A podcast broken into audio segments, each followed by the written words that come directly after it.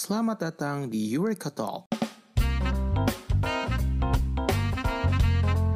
Perkenalkan, nama saya Reza Maulana, host Eureka Talk. Di podcast ini, saya akan mengobrol dengan tamu-tamu saya dari berbagai latar belakang. Enjoy the podcast and hopefully we can humbly inspire you all.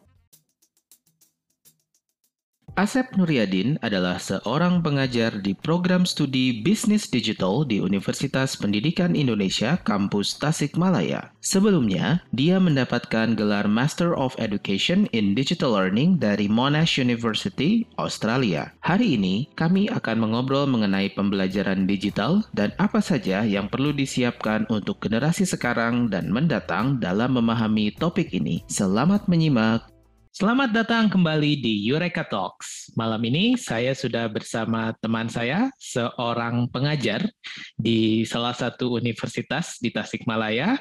Uh, beliau mengajar di program studi bisnis digital di Universitas Pendidikan Indonesia, kampus Tasikmalaya.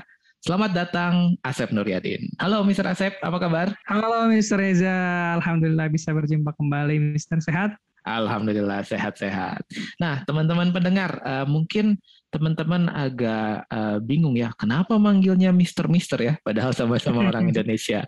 Jadi teman-teman, kami ini uh, pertama kali uh, saling kenal ketika sempat kerja di uh, salah satu uh, tempat les di Tasikmalaya dan kami berdua mengajar bahasa Inggris pada saat itu. Jadi memang uh, panggilan defaultnya itu bagi uh, pengajar laki-laki adalah Mister. Gitu. Jadilah itu kenapa saya manggil Mister Asep menggunakan Mister pun begitu. Mister Asep biasanya memanggil saya menggunakan Mister.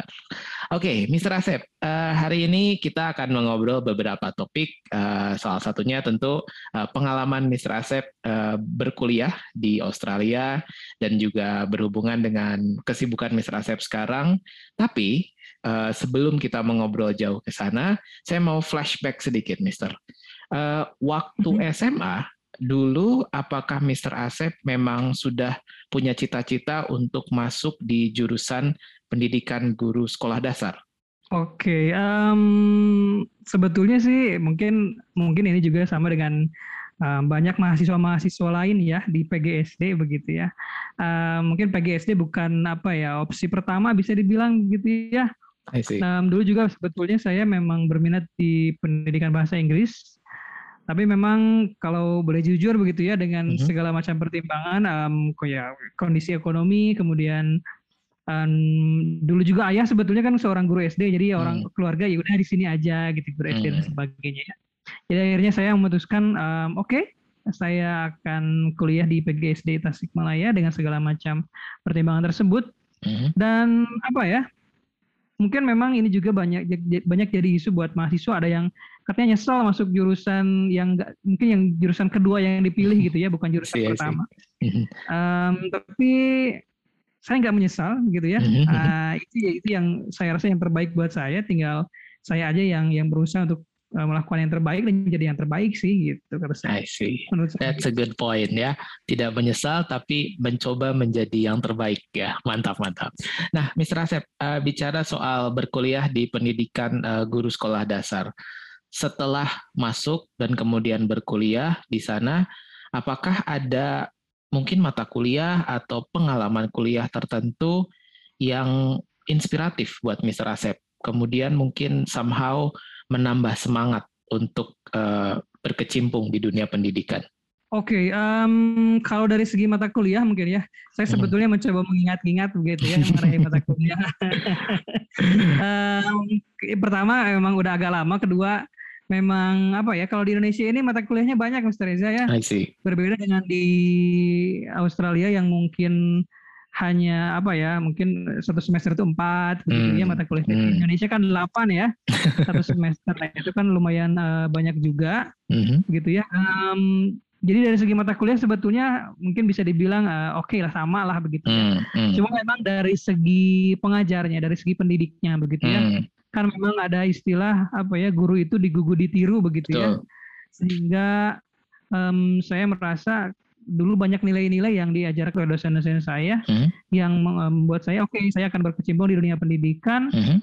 dan uh, banyak nilai-nilai yang bisa saya pelajari dari mereka gitu ya hmm. tentang pengabdiannya kepada pendidikan gitu sih kalau dari uh, mata kuliah tidak terlalu ada yang berkesan banget tuh gitu ya see, kayak sama aja gitu. Mm -hmm. Tapi ada nilai-nilai yang kemudian uh, apa menjadi inspirasi buat Mr. Asep gitu ya. Mungkin masih ingat Mister kira-kira uh, nilai-nilai apa saja yang ditanamkan oleh para pengajar atau pendidik pada saat Mister kuliah uh, S1 pada saat itu?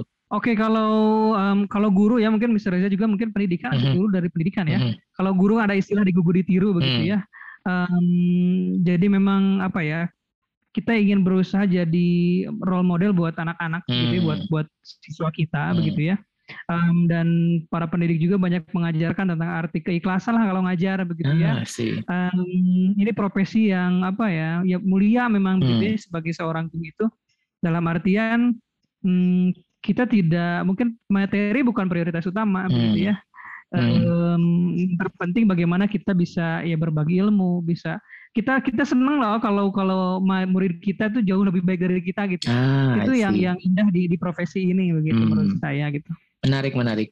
Ya, uh, that's a noble purpose ya. Uh, karena pendidikan it's about shaping the next generation ya, Mister. Mm-hmm. Yes, yes, hmm. betul sekali. I see. Nah, uh, Mister, tadi uh, setelah ada banyak atau mungkin beberapa quotes atau nilai yang inspiratif selama uh, kuliah di PGSD UPI Tasik. Setelah lulus, mm-hmm. apakah ada perubahan pandangan uh, soal profil seorang guru SD gitu atau mungkin uh, bagaimana Mr. Asep melihat uh, profil seorang guru SD sebelum masuk dan setelah selesai di PGSD? Um, kalau dari diri saya pribadi mungkin ya banyak sekali saya rasa hal yang apa yang berubah gitu ya. Hmm. Um, dulu mungkin mungkin dari sekilas gitu ya ngajar ngajar anak SD lah ya begitu ya gitu kayaknya easy yeah, gitu ya. Yeah. Um, ngerasanya gitu. Tapi ternyata setelah didalami memang ya ilmu pendidikan itu luas begitu ya hmm. dan itu bukan hanya sains ya, tapi seni juga begitu, seni mengajar gitu. Hmm. Dan akhirnya saya memahami bahwa memang mengajar siswa SD itu uh, tidak mudah begitu ya, it's challenging begitu ya. Mungkin materinya gampang lah ya. Yeah. Misalnya ya penjumlahan hmm. misalnya begitu ya kalau di kelas perkalian. Tapi kan mengajarkan anak supaya paham perkalian juga hal lain. I see, I gitu see. ya. Betul. Itu, itu tidak mudah begitu ya. Hmm. Jangan sampai mereka um, salah konsep apalagi mungkin seperti pengelolaan kelas hmm. gitu ya. Hmm. Anak yang 40, 30 di Indonesia 30 dengan karakter beda-beda ada yang lari-lari ya ada yang gak mau dengerin hmm. ada yang hyperaktif hmm. gitu dan segala macam um, saya rasa itu pandangan saya mengenai guru uh, guru SD itu berubah hmm. dan juga mungkin dari kepribadian ya karena UPI itu judulnya pendidikan hmm. ya mungkin pada rata-rata pada setelah lulus ya berbeda lah begitu ya dengan jurusan dengan dari yang apa ya dengan lulusan yang bukan dari pendidikan tuh berbeda hmm. dari sikap karakteristik dan sebagainya gitu sih dari hmm. saya mungkin. I see. menarik menarik. Berarti uh, yang berubah signifikan lebih ke pedagogik ya misalnya atau uh, bagaimana deliver the the content gitu ya. Betul betul hmm, betul. I see. Saya rasa akan pasti berbeda sih antara mengajar katakanlah misalnya seorang apa ya katakanlah misalnya seorang ahli di bidang uh, tertentu di bidang mm-hmm. X, kemudian dia mengajar ke kelas akan berbeda dengan orang pendidikan ketika dia mengajar ke kelas pasti pasti berbeda mm. begitu ya. Kelihatan mm. dari cara komunikasi dari cara bicara juga mm. um, biasanya agak beda sih mm. gitu. I see. Menarik, menarik. Oke, okay. nah uh, sekarang saya mau geser sedikit, Mister. Tadi Mister Asep sudah bercerita sedikit pengalamannya ketika uh, masih S1. Nah, kemudian setelah selesai Mister uh, dari pendidikan uh, guru sekolah dasar, apakah memang sudah bercita-cita pengen langsung lanjut ke pendidikan selanjutnya atau ada cita-cita lain? Kayaknya jawaban saya tipikal deh ya, sama dengan dengan hmm. lulusan anak PGSD gitu ya. Ya kalau udah lulus hmm. ya nunggu CPNS lah gitu. Kayaknya seperti itu sih oh, um, tipikalnya memang. Hmm. Um, dulu saya tidak tidak terpikir untuk langsung S2 sebetulnya mengingat hmm. juga ya seperti tadi lah ya um, kondisi ekonomi juga belum significantly improve begitu ya memang masih sama begitu kemudian saat itu juga um, ada moratorium kalau tidak salah ya waktu saya itu tidak ada pengangkatan CPNS dulu. Um, Oke. Okay. Tapi memang uh, ya waktu itu kebetulan mungkin takdir juga ya. Kalau tidak hmm. salah beberapa waktu sebelum wisuda, wisuda itu Agustus apa September ya, saya lupa lagi. Um, hmm. Ada teman yang ada teman yang bilang um, teman sekelas ini ada dari LT katanya dia uh, institusi hmm. ini lagi nyari calon guru lah seperti itu ya kemudian saya ya hmm. ya nggak terlalu merhatiin um, tahu dengar aja kemudian ya hari Senin saya mau apply aja lah hari Senin apply kemudian hari itu hmm. juga kalau tidak salah dipanggil untuk hmm. um, micro teaching wawancara dan sebagainya dan dan hmm. ketika saya perjalanan di bis mau wisuda ke Bandung um, Miss hmm. Isma dulu ya manajernya Mr. Reza hmm. um, beliau menelpon bahwa ya saya diterima di LT begitu dan saat itu saya putuskan ya hmm, udah ya um, oke okay, ya gitu ya di LT Um, namun menjelang kelulusan itu ya sebelum wisuda beberapa waktu sebelum wisuda itu dosen saya ada yang bilang coba LPDP begitu ya. Coba LPDP jadi hmm. saya kemudian hmm. um, daftar posisi saat itu seingat saya saya sudah di ini sudah di LT begitu ya. Kemudian saya daftar LPDP hmm. um, ya nyoba ya. Dari Tasik itu belum pernah ada yang keluar negeri begitu ya. Saya juga belum pernah keluar negeri misalnya. Belum pernah naik pesawat malahan mungkin ya lebih tepat bukan bukan I see, pernah, I see. belum pernah naik pesawat sama sekali. Kemudian ya saya daftar dengan segala persyaratannya um, dengan mhm. dukungan dari Aldi juga alhamdulillah dan mm-hmm. Desember 2017 berarti ya 2016 mm-hmm. um, alhamdulillah saya diterima mm. di uh, beasiswa LPDP gitu untuk untuk melanjutkan studi oh, Jadi lebih sudden sih gitu ya. Right, right ketika kemudian sudah kok dapat konfirmasi baik itu ketika keterima di LT, baik itu keterima di LPDP, kemudian eh, apakah Mr. Asep menemui tantangan-tantangan tersendiri ketika menjalani proses-proses itu? Mm -hmm. um, many obstacles, Mister ya sebetulnya luar biasa tantangannya gitu ya. Um, hmm. Jadi posisi saat itu saya keterima LPDP tanggal 9 Desember 2016 Meng, mm -hmm. dulu masih bisa pakai TOEFL ITP gitu ya, asal di atas 550 bisa keterima. Mm. Oke, keterima ya. Um, mungkin mungkin ya salah satu nilai plusnya adalah saya dari PGSD begitu ya. Karena jarang dari hmm. PGSD yang um, melanjutkan studi keluar mungkin gitu ya. Menurut hmm. pikiran saya biasanya kan dari bahasa Inggris, mungkin dari teknik begitu ya. Hmm. Sebagainya. Um, akhirnya saya lulus dan saat itu saya belum IELTS saya hmm. belum punya LOA, letter of acceptance dari kampusnya belum hmm. ada. Jadi selama jadi saat itu pas diumumkan ada aturan tiba-tiba bulan apa ya Januari atau Februari bagi kita yang hmm. punya LOA Anda harus mulai 2018. Berarti kan lulus 2018. Okay. Saya harus mulai mm -hmm. 2018. Setahun itu mm. akhirnya saya konfirmasi ke ke LT bahwa saya akan mulai 2018 jadi saya akan kerja di sini dan dan responnya sangat baik begitu di saat itu. Iya. Yeah, yeah. Dan alhamdulillah gitu ya kita bisa kerja bareng Mister selama kurang lebih setahun. um, itu alhamdulillah juga se secara tidak langsung mengasah keterampilan berbahasa Inggris saya ya. Mungkin okay. bahasa speaking juga kan karena mm. kita hmm. harus teaching uh, ya full in English gitu ya. Um, betul, betul. TLT gitu. Kemudian dukungan manajer juga sangat baik gitu ya. Uh-huh. Ya itu salah satu tantangannya itu IELTS. Alhamdulillah bisa teratasi akhirnya satu kali tes uh-huh. um, lulus begitu ya. Uh-huh. Kemudian mungkin dari apa lagi ya? Um, financial mungkin ya. Again okay. gitu ya. Um, itu mah sudah menjadi bagian dari kehidupan saya mungkin dulu ya. Um, masalah finansial misalnya untuk bayar visa saya saya dulu nggak punya Mister dulu dulu bayar itu 6 juta ya saya dulu hmm. kan gaji oh, visa nggak nggak di cover sama LPDP? um, enggak dulu, enggak dulu di cover. Kita urus sendiri okay. dulu gitu. Baru nanti LPDP hmm. kalau udah mau persiapan, udah mau berangkat baru bayar, baru dikasih bekal. Oh, di reimburse. Di reimburse, di reimburse kalau Oh, Oke. Okay. Ya. Hmm. Um, hmm. Cuma waktu itu kan belum ada ya posisinya. Akhirnya um, hmm. salah satu dosen saya um, apa ya, mau, kayak patungan sama dosen yang lain gitu ya, beberapa orang. Oh, orang Hmm. mau minjemin saya gitu pinjaman lunak lah istilahnya mungkin ya yang tidak tidak ada bunganya begitu ya um, dipinjemin alhamdulillah visa oke okay, dan ya seterusnya alhamdulillah bisa uh -huh. ya bisa berangkat karena dulu posisinya saya kerja di LT um, -huh. jadi sebagian besar gaji saya kan saya ada dua dua, dua opsi misalnya dulu ya Hmm. Satu saya simpen buat visa, buat keberangkatan. Hmm. Yang satunya, tapi di rumah mungkin um, apa ya nggak bisa bantu orang tua lah untuk untuk kehidupan sekarang. Hmm. Hmm. Saya udah saya kasih ke orang tua ke ibu ya dulu. Ini buat hmm. uh, orang tua biar saya tawakal aja lah. Mau berangkat ke Australia hmm. oke, okay. Enggak ya udah takdirnya enggak gitu. Jadi tapi alhamdulillah memang takdir Allah bisa bisa hmm, Oke, okay, menarik.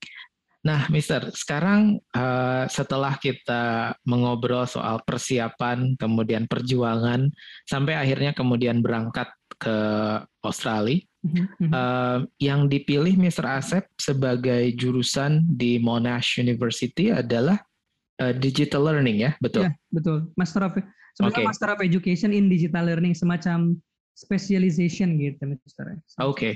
Oh, jadi kalau begitu uh, fakultasnya atau jurusannya itu adalah Master of Edu. Master of Education. Ya, oh, I see. Ada Master of Tisol, menarik, menarik. ada Master of Education. Mm -hmm. Mm -hmm.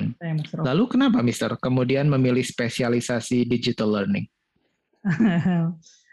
apa ya? Um, memang apa ya? Situasi juga mungkin dulu ya. Situasi memang pendidikan hmm. kan sudah mulai transformasi digital. Saya lupa dulu namanya ada program pemerintah itu guru pembelajar atau apa gitu ya. Saya lupa namanya. Hmm. Um, yang hmm. online gitu. Jadi guru belajar online, PPG online kalau nggak salah, PLPG online hmm. atau apa begitu. Hmm. Nah, sudah hmm. mulai ke arah sana. Memang secara khusus juga di kampus belum di belum ngetren ya, nggak kayak sekarang. Hmm. Orang tahu hmm. ya literasi digital gitu ya, pakai ini itu, hmm. ini itu. Dulu nggak nggak ada kayak gitu ya. Um, cuma pas hmm. pilih-pilih jurusan begitu ya, ke mana gitu ya saya juga um, dulu nge, apa belum belum tahu apa-apa lah pas mau milih hmm. kemudian saya memutuskan untuk uh, mengambil digital learning karena saya rasa prospektif gitu ya karena okay. uh, kayaknya Indonesia akan mengarah ke sana dunia akan mengarah ke sana gitu um, hmm. dan hmm. ya karena transformasi online itu jadi saya tertarik ya saya harus harus siap dan harus mempersiapkan hmm. Calon guru calon mendidik untuk siap gitu. Dulu cita-citanya kayak gitu sih. Sih, menarik, menarik. Nah, Mister boleh dijelaskan lebih lanjut ya, sebetulnya kompetensi uh, lulusan dari spesialisasi digital learning itu apa aja sih? Um, kalau kan sebetulnya karena ini specialization ya, jadi kalau di awalnya memang sama seperti jurusan yang lain ya, uh, kita paham isu-isu, kita paham um, apa ya berbagai macam ya teori pendidikan pasti sama lah ya di hmm, awal-awal hmm. seperti itu. Kemudian hmm. untuk si digital learningnya sendiri lebih ke bagaimana mengadaptasi teknologi untuk pendidikan gitu ya, memanfaatkan teknologi untuk pendidikan. Um, hmm. Tidak spesifik sampai ke misalnya membuat aplikasi digital misalnya begitu ya. Itu kan sebetulnya hmm. bukan kerjaan saya, itu kerjaan orang TI mungkin ya, programmer ya, gitu ya. Nah, hmm. jadi saya itu lebih ke mengkaji um, secara teoritis, secara praktis bagaimana teknologi dimanfaatkan di pendidikan gitu ya. Um, kemudian hmm. juga mengenai uh, berbagai macamnya instructional design, mengenai hmm. teknologi-teknologi yang bisa dimanfaatkan. Sekarang kan lagi ngetren misalnya hmm. uh, digital games atau misalnya hmm. um, augmented reality, virtual reality. Sekarang hmm. Ada si Facebook juga jadi apa? Jadi meta gitu ya, jadi metaverse. Oh iya betul betul. mulai ke hmm. arah sana. Kemudian apalagi hmm salah satu yang baru dari ini ya ruang guru kalau nggak salah ada adapto mm -hmm. ya adapto gitu kan mm. yang mm. Uh, si apa uh, mungkin LMS-nya atau apanya begitu ya teknologinya bisa mm. beradaptasi terhadap eh, perbedaan-perbedaan yang yang siswa gitu ya kalau siswanya performanya bagus mungkin ke arah mana kalau kurang nanti ke arah mana mm. itu kan adaptasi teknologi itu juga salah satu yang dikaji begitu ya seperti itulah kira-kira mm. Mister um, okay. um, intinya memanfaatkan teknologi begitu ya. Hmm. Nah, Mister uh, bicara lebih dalam soal teknologi di uh, spesialisasi digital learning sebetulnya bagaimana sih? Uh, maksudnya komunitas atau mungkin pengajar-pengajar di spesialisasi digital learning dan Mr. Asep sendiri uh, memahami soal kata teknologi itu sendiri. Apakah memang harus yang sophisticated atau sebetulnya eh, hal-hal uh, yang simple pun bisa kita asumsikan atau bisa kita kategorikan sebagai teknologi, Mister? Um, yang mungkin kita juga uh, memahami dari definisinya teknologi kan setahu saya begitu ya segala sesuatu mm. yang hmm. memudahkan manusia begitulah ya teknologi itu kan mm. bisa mm. bisa mm. konvensional bisa di tradisional bisa digital ya begitu ya hmm. dan hmm. apa ya terlepas dari segala macam kelebihan teknologi digital kita tidak boleh berasumsi buta bahwa um, seseorang yang memanfaatkan teknologi digital akan mengajar dengan lebih baik begitu ya itu okay. itu nggak boleh saya menurut saya gitu ya tidak boleh seperti itu karena tetap um, kemampuan pedagogis yang mengendalikan teknologi bukan teknologi yang mengendalikan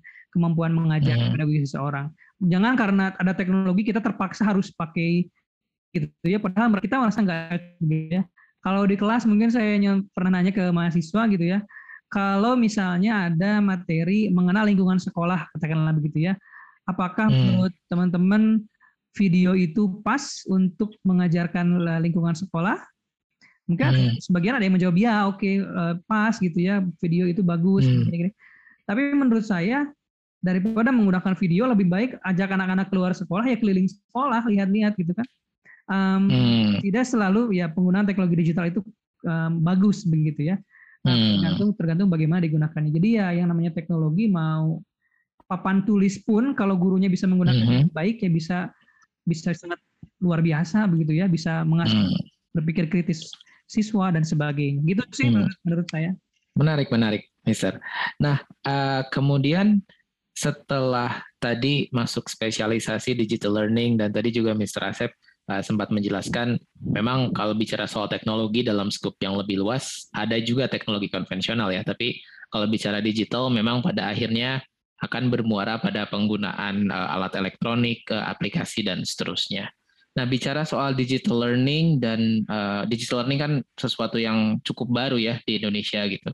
Nah, sebetulnya apa saja sih Mister hal-hal baru yang uh, didapatkan ketika Mister beker, uh, belajar di OS di OC gitu. Uh, bisa bicara soal mungkin pola pikir atau mungkin habits ya atau kebiasaan atau prinsip dalam mengajar atau bahkan mungkin materi kuliah, Mister. Mm -hmm. Um, mungkin kalau dari segi pendidikan tinggi ya, berbicara konteks pendidikan tinggi, hmm. um, ketika ketika apa ya, ketika saya kuliah di sana, gitu ya pengalaman, memang pembelajaran online itu kan banyaknya pembelajarannya modelnya blended ya, ya satu hmm. minggu hmm. online satu minggu offline begitu tapi interaksi hmm. di, di learning management systemnya di uh, Moodle berjalan dengan bagus hmm. begitu ya jadi um, pengelolaannya sudah baik begitu ya interaksinya sudah baik um, misalnya terus uh, keprofesional itu dijaga beda dengan di Indonesia hmm. salah satunya misalnya gini kalau di sana kan menghubungi dosen lewat email begitu ya betul ke email dosen nanti dibalas gitu kan ya nah kalau di Indonesia di WA yeah, gitu yeah. kan ya di WhatsApp malam-malam WhatsApp dosen gitu ya. Um, nah itu yang mungkin yang belum dipunyai oleh orang Indonesia ya. Ini saya juga hmm. ngobrol sama teman saya katanya gitu ya teman saya ada yang kerja di ASEAN um, teman sekamar saya dulu uh, katanya dia hmm. ngobrol-ngobrol mungkin dengan dengan orang lain bahwa memang sebagian apa ya negara sebagian bangsa di di Asia ini ya gitu hmm. kurang-kurang bagus dalam etika komunikasi gitu ya dalam artian hmm. ini me-WA di luar jam kerja gitu ya. Hmm. Nah, itu kan bukan bukan hal yang bagus sebetulnya ya. Harusnya kita mau urusan pribadi, rapat malam-malam gitu ya, seperti jabat mungkin. Right, right. Um, ya seperti itu sih. Itu hal-hal baru juga banyak sih kebiasaan-kebiasaan mungkin ini mm -hmm. mungkin tidak direct berhubungan dengan kuliah begitu ya. Mm -hmm. Tapi kehidupan Mister um, mm -hmm. sebetulnya saya lebih banyak juga nilai-nilai yang yang diambil gitu ya bagaimana hidup di tengah minoritas mungkin Mister juga waktu di US yeah. kan ya bagaimana hidup hmm. di minoritas hmm. gitu ya hmm. bagaimana hidup di dengan etnik-etnik yang berbeda kan mungkin hmm. sama di Melbourne sama-sama beragam etniknya ya kalau di kita betul betul boleh agak aneh gitu ya tulisannya biasa aja aja gitu ya semuanya gitu yeah, yeah. itu sih beberapa hal kalau materi hmm. pasti banyak yang baru Ya, mm -hmm. um, tapi secara umum saya rasa sekarang sudah mulai diadaptasi ke Indonesia juga ya. Mm -hmm. Digitalisasi, mm -hmm. kemudian misalnya um, apa ya, ya isu-isu ter, isu-isu terkini dalam pendidikan juga sudah mulai mm -hmm. disadari oleh orang gitu ya terkait digital learning. I see. Menarik, menarik, Mister. Nah, uh, bicara soal tadi banyak materi baru, uh, salah satunya digitalisasi yang tadi katanya sudah mulai diadaptasi. Lalu uh, apa saja Mister yang kemudian dalam tanda kutip uh, dibawa pulang sebagai oleh-oleh uh, dari Monash kemudian dicoba diaplikasikan di UPI di Tasik. Mungkin bisa bicara soal materi kuliah atau bahkan tadi seperti habits, kebiasaan atau etika berkomunikasi dan seterusnya. Yep. Um, ini karena saya bidang baru juga misalnya baru baru dua tahun, mm -hmm. dua tahun menggeluti dua tiga tahun lah ya. Jadi mm -hmm. memang masih apa ya masih meraba-raba untuk untuk mentransfer apa yang um, saya uh, dapatkan begitu ya. Mm-hmm. Beberapa hal misalnya di um, di salah satu jurusan di UPI Tasik di PGSD ada ada mata kuliah desain pembelajaran misalnya. Kan sebelumnya mm-hmm. memang apa ya um, ya alhamdulillah saya bisa membantu mengarahkan di mata kuliah itu misalnya diisi dengan model-model pembelajaran digital misalnya mm. blended learning eh, dengan konsep yang lebih baik misalnya atau mm. classroom atau misalnya um, apa ya mobile learning gitu ya banyak ya hmm. game based learning dan sebagainya sebagian sudah ada yang di Indonesia sebagian memang um, ada yang belum terlalu populer lah di Indonesia begitu ya hmm. jadi ada beberapa yang bisa saya bawa ya hmm. tapi tetap misalnya hmm. um, sampai saat ini pun saya tetap belajar begitu ya hmm. bukan hanya mentransfer apa yang saya punya tapi saya juga mengambil berbagai macam ilmu dari berbagai macam sumber gitu ya karena ini barang hmm. jujur Mister baru dua tahun tahun ya mm-hmm. orang baru gitu ya. Jadi saya lebih familiar dengan ya ke PGSDN atau bahasa Inggris misalnya begitu ya ketimbang mm-hmm. jurusan ini apa keilmuan ini atau bidang ini begitu misalnya. Hmm, I see. Nah berarti uh, dari paparan Mr. Asep tadi uh, masih banyak nampaknya tantangan-tantangan dalam mengaplikasikan hal-hal ini ya karena tadi Mr. Asep bilang ini masih baru 2-3 tahun dan seterusnya. So far apa aja Mister tantangan dalam mengaplikasikan atau bisa dibilang mungkin mengadaptasi apa yang Mister dapat di OC kemudian dicoba diaplikasikan di sini? Um, ya salah satu yang mungkin paling salah satu yang ditekankan di di jurusan saya karena dulu juga ada uh, salah satu profesornya yang apa ya yang mengkaji teknologi digital itu um, di di lingkungan pendidikan di lingkungan sosial mm -hmm. gitu ya teknologi mm -hmm.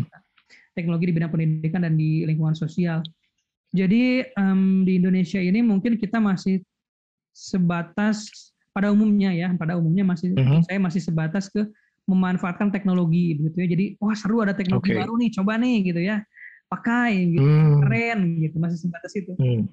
Kajian-kajian kita mungkin belum bersifat kritis begitu uh -huh. ya dalam artian um, ya seperti tadi, apakah dengan um, apa pemanfaatan uh, misalnya uh, teknologi digital ya kita katakanlah um, Google Classroom misalnya begitu ya. Hmm. Sementara orang tua juga kan pas beda-beda ya, baik dari hmm. segi uh, ekonomi dan sebagainya. Hmm. Itu kan hmm. belum dikaji efeknya seperti apa gitu ya. Atau misalnya hmm. teknologi digital itu disikapi dengan bagus. Sekarang kan Indonesia katanya masuk ini ya um, negara paling tidak sopan gitu. itu kan itu kan luar yeah, biasa yeah, yeah. gitu ya. Nah, itu hal seperti itu mungkin belum banyak dikaji begitu ya etika digital hmm. seperti apa begitu ya. hmm. Hmm. Atau misalnya pemanfaatan teknologi digital malah digunakan untuk yang tidak bermanfaat misalnya begitu ya. Yeah. Ya, itu kan hmm. uh, masih banyak lah mungkin ya yang perlu dibahas. Hmm. Tapi ya harus hmm. ya selangkah demi selangkah sih Mister ya. I see. Jadi uh, kalau secara pendeknya bisa dibilang kita masih istilahnya tuh apa sekarang masih FOMO ya, fear of missing out gitu ya. Iya. Wah teknologi iya. baru ya kita pakai gitu. Padahal kita sendiri nggak tahu uh, apa istilahnya kalau Islam tuh mudorotnya segimana, betul, keuntungannya betul. segimana dalam penggunaan betul, itu ya. Iya ya, menarik menarik Mister. Nah Uh, kemudian saya mau bergeser lagi tadi, Mister. Uh, tadi sempat disinggung uh, sedikit, uh, Mister Asep, baru sekitar 2-3 tahun ini mengajar di uh, bisnis digital, pendidikan bisnis digital atau hanya bisnis digital, Mister? Sebetulnya bisnis digital, tapi ada mata kuliah mata kuliah pendidikan gitu ya dan, hmm. dan saya sebetulnya mata kuliah mata kuliahnya lebih banyak di pendidikan guru sekolah dasar, hanya diperbantukan oh. dulu di baru ini begitu ya, kira-kira seperti itu. I see. Oke, okay. nah uh, sebetulnya kompetensi lulusannya pengen diarahkan seperti apa, Mister, dari bisnis digital ini?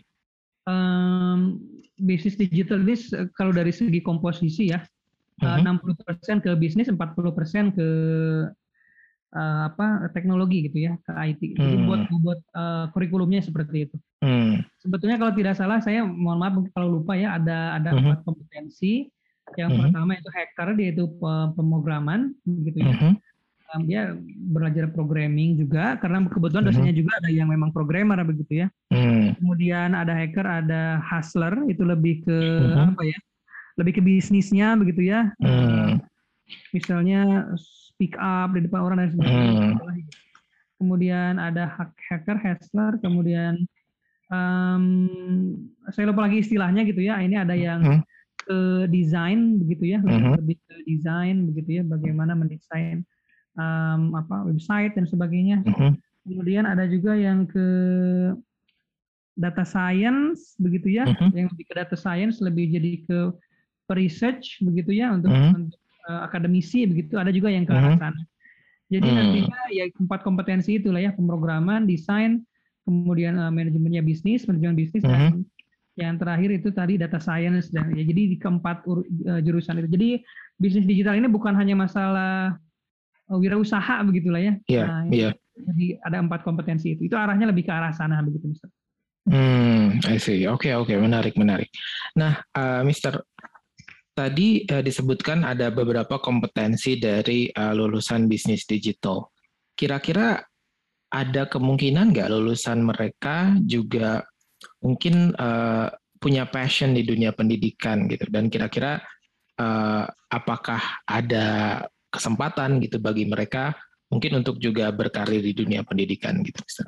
Um, ini sudah uh, mulai juga ya sebetulnya Mister dari mahasiswa ya salah satu yang um, mungkin salah satu contohnya ada yang saat ini mengembangkan satu aplikasi ini anak bisnis digital namanya Ngaji Kui begitu ya Hmm, ngajiku okay. jadi ini aplikasi untuk belajar Al-Quran begitu. Jadi uh hmm, -huh. Hmm. sekarang sedang, sedang dalam tahap pengembangan.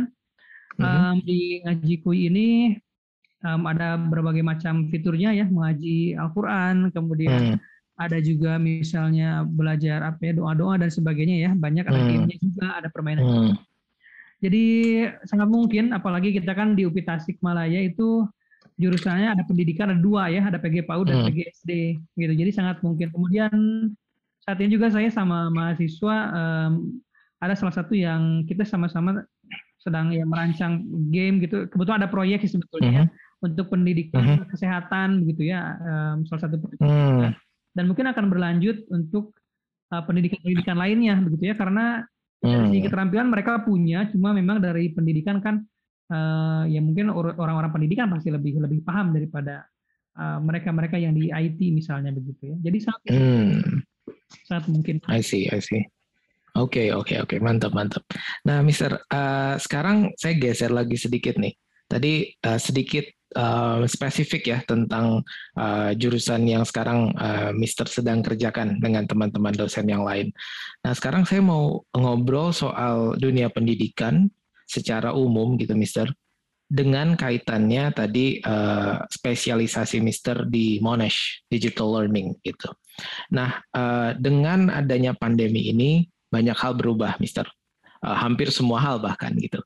Kira-kira kalau peluang-peluang apa nih, Mister, yang bisa dilihat oleh para mungkin para pendidik bisa dibilang seperti itu uh, untuk mungkin mengkaitkan uh, kondisi sekarang dengan uh, the emergence of digital learning. Gitu. Hmm, oke, okay.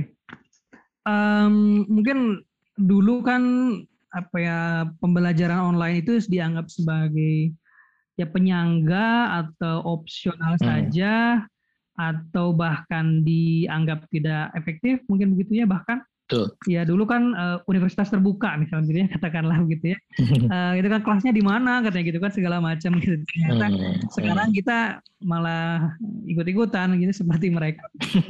Saya rasa um, pembelajaran blended ini atau pembelajaran digital ya, atau pembelajaran online ini akan apa ya bisa jadi gitu ya terus berlanjut seperti ini. Jadi kebutuhan akan online course begitu ya, online certification, online assessment begitu ya, kemudian pengembangan berbagai tools, media, aplikasi sudah saya rasa akan, hmm. akan semakin meningkat begitu ya. Dan ya bisa hmm. dilihat sih ya dari mau tidak mau kan ya seperti Facebook saya sekarang sudah di iklannya kita bertransformasi ya. Transformasi kita juga hmm. pendidikan pasti akan bertransformasi ya lambat laut. Hmm.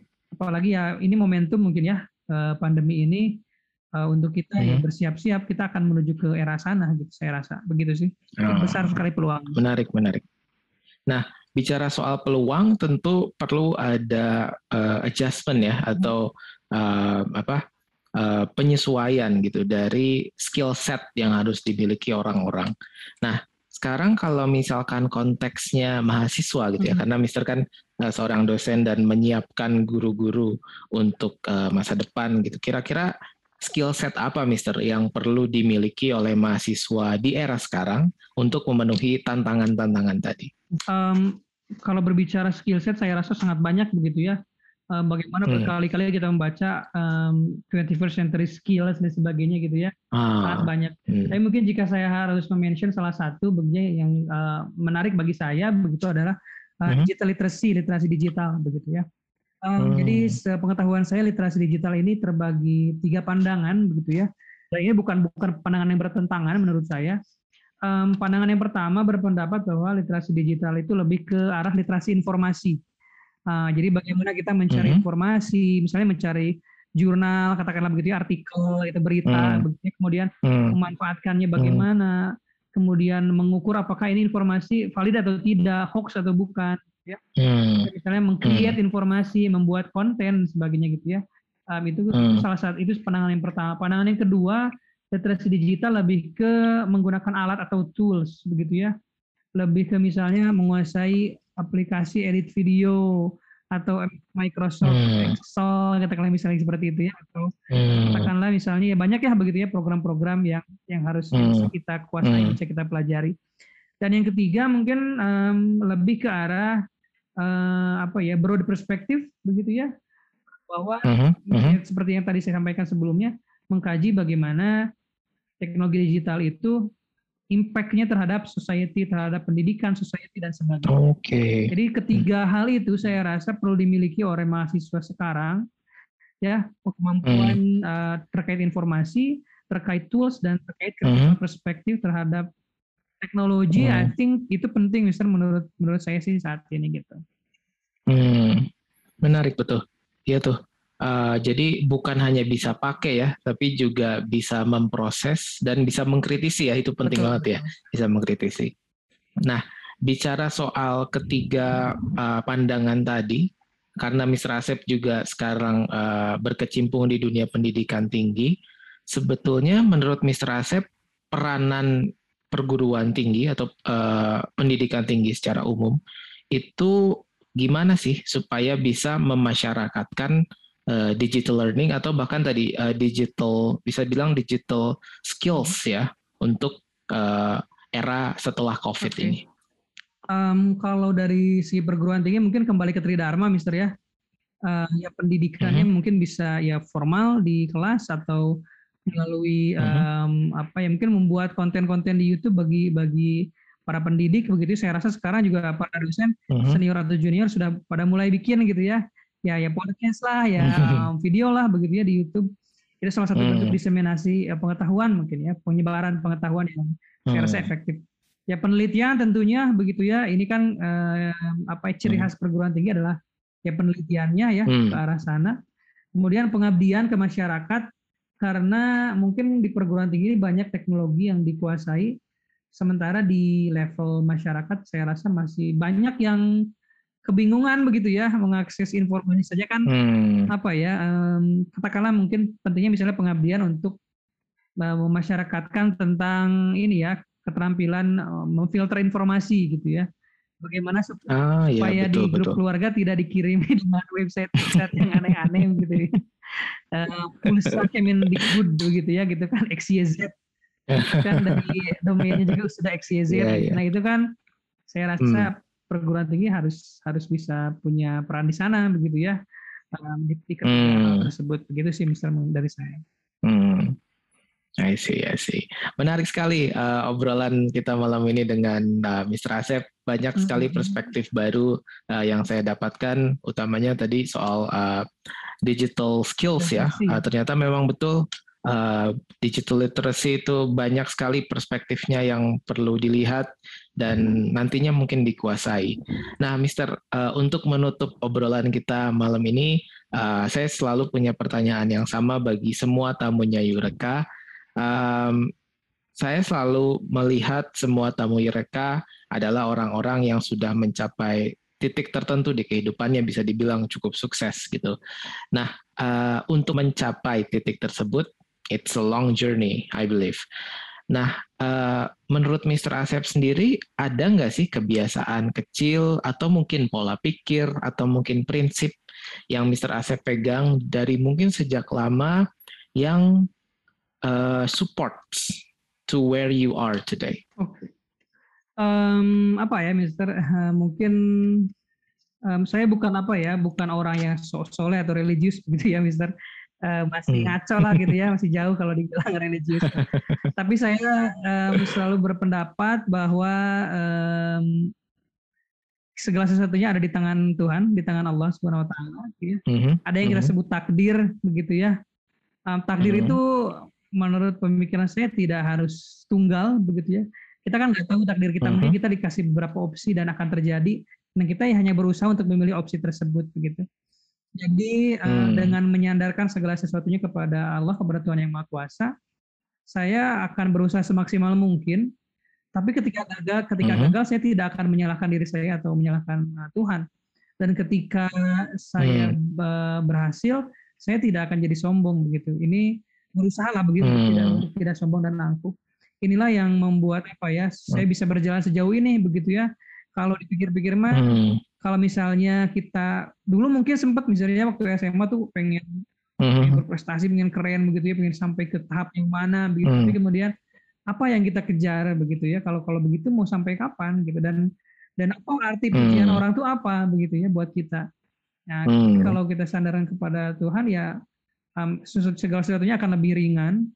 Kemudian um, mm-hmm. kita juga bisa banyak apa ya? Banyak cara lah untuk mewujudkannya ya minimal minimal baik mm-hmm. sama mhm. orang tua gitu ya baik sama keluarga mm. itulah yang saya setidaknya dan salah satu teman saya dulu teman sekamar waktu di Mones yang pegang kalau kami ngobrol mm. kita ini kayaknya gak miter-miter amat ya bisa ke Mones iya sih kayaknya gak miter-miter amat ya banyak yang lebih pinter gitu ya terus cuma memang um, beliau itu salah satunya adalah orang yang sangat care terhadap keluarga bahkan uh, mm. sempat satu tahun setelah apa setelah lulus itu sempat mengurus orang tua dulu yang sakit sampai pada hari hmm. mau wawancara LPDP mau tes LPDP masih menunggu ayahnya di rumah sakit gitu ya seingat saya ceritanya dan ayahnya berdoa hmm. Hmm. Insya Allah kamu lulus dan akhirnya dia lulus dan dan bisa ketemu saya dan kalau dipikir-pikir masalah kecerdasan prestasinya nggak sampai ke mana-mana sih misalnya ya saya rasa itulah saya mungkin lebih ke arah sana itulah yang menenangkan saya membuat saya hmm. dalam tanda kutip tetap waras dan tetap bersemangat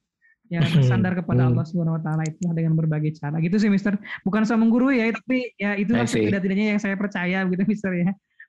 Walaupun Menarik, menarik Mister ya. Actually that's a very good point ya. Pada akhirnya let God do the rest gitu ya. Betul. Oke. Okay. Mantap, mantap, Mister. Karena yang penting tadi Mister Asep sudah menggarisbawahi usaha dulu, uh, but then let God do the rest.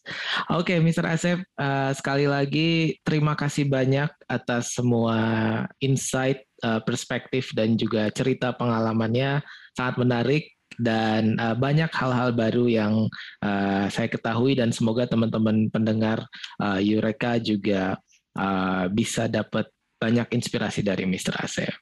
Sekali lagi terima kasih Mr. Asep, sehat-sehat terus. Salam buat keluarga. Selamat malam. Assalamualaikum. Waalaikumsalam. Terima kasih Mister. Sampai jumpa lagi. Sampai jumpa juga semuanya.